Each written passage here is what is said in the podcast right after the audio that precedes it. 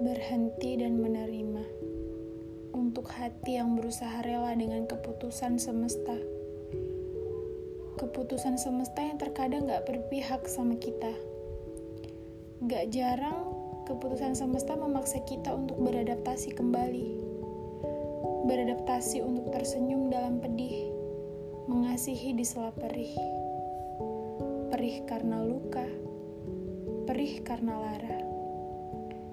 Tapi tenang, nggak perlu khawatir, karena nggak selamanya kita akan terluka, dan nggak selamanya kita akan berduka. As you know guys, hidup terlalu singkat buat dipakai untuk meratap.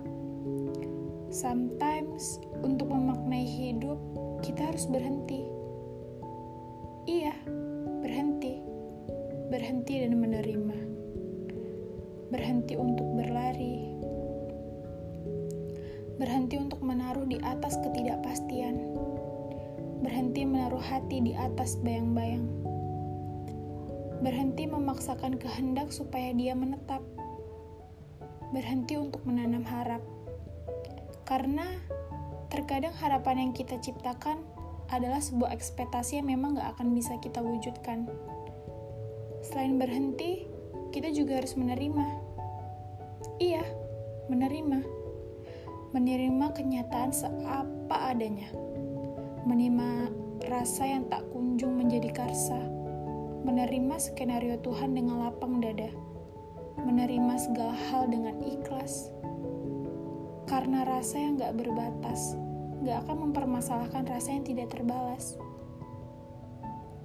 Ikhlas ya, ya ikhlas suatu hal yang pada akhirnya menjadi pilihan terakhir yang bisa dilakukan, walaupun pada kenyataannya itu menjadi pilihan yang paling menyulitkan.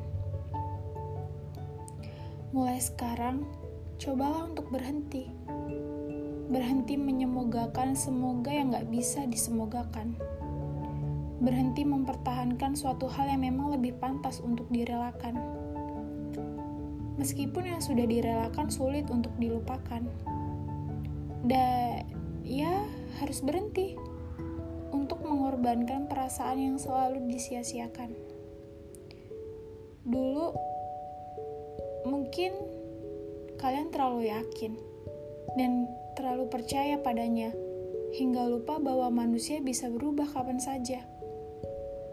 Hingga kini akhirnya tersadar bahwa ditinggalkan dan merelakan itu juga bagian dari hidup. Karena yang pernah singgah belum tentu akan berakhir indah, dan yang pernah hadir belum tentu akan menjadi takdir.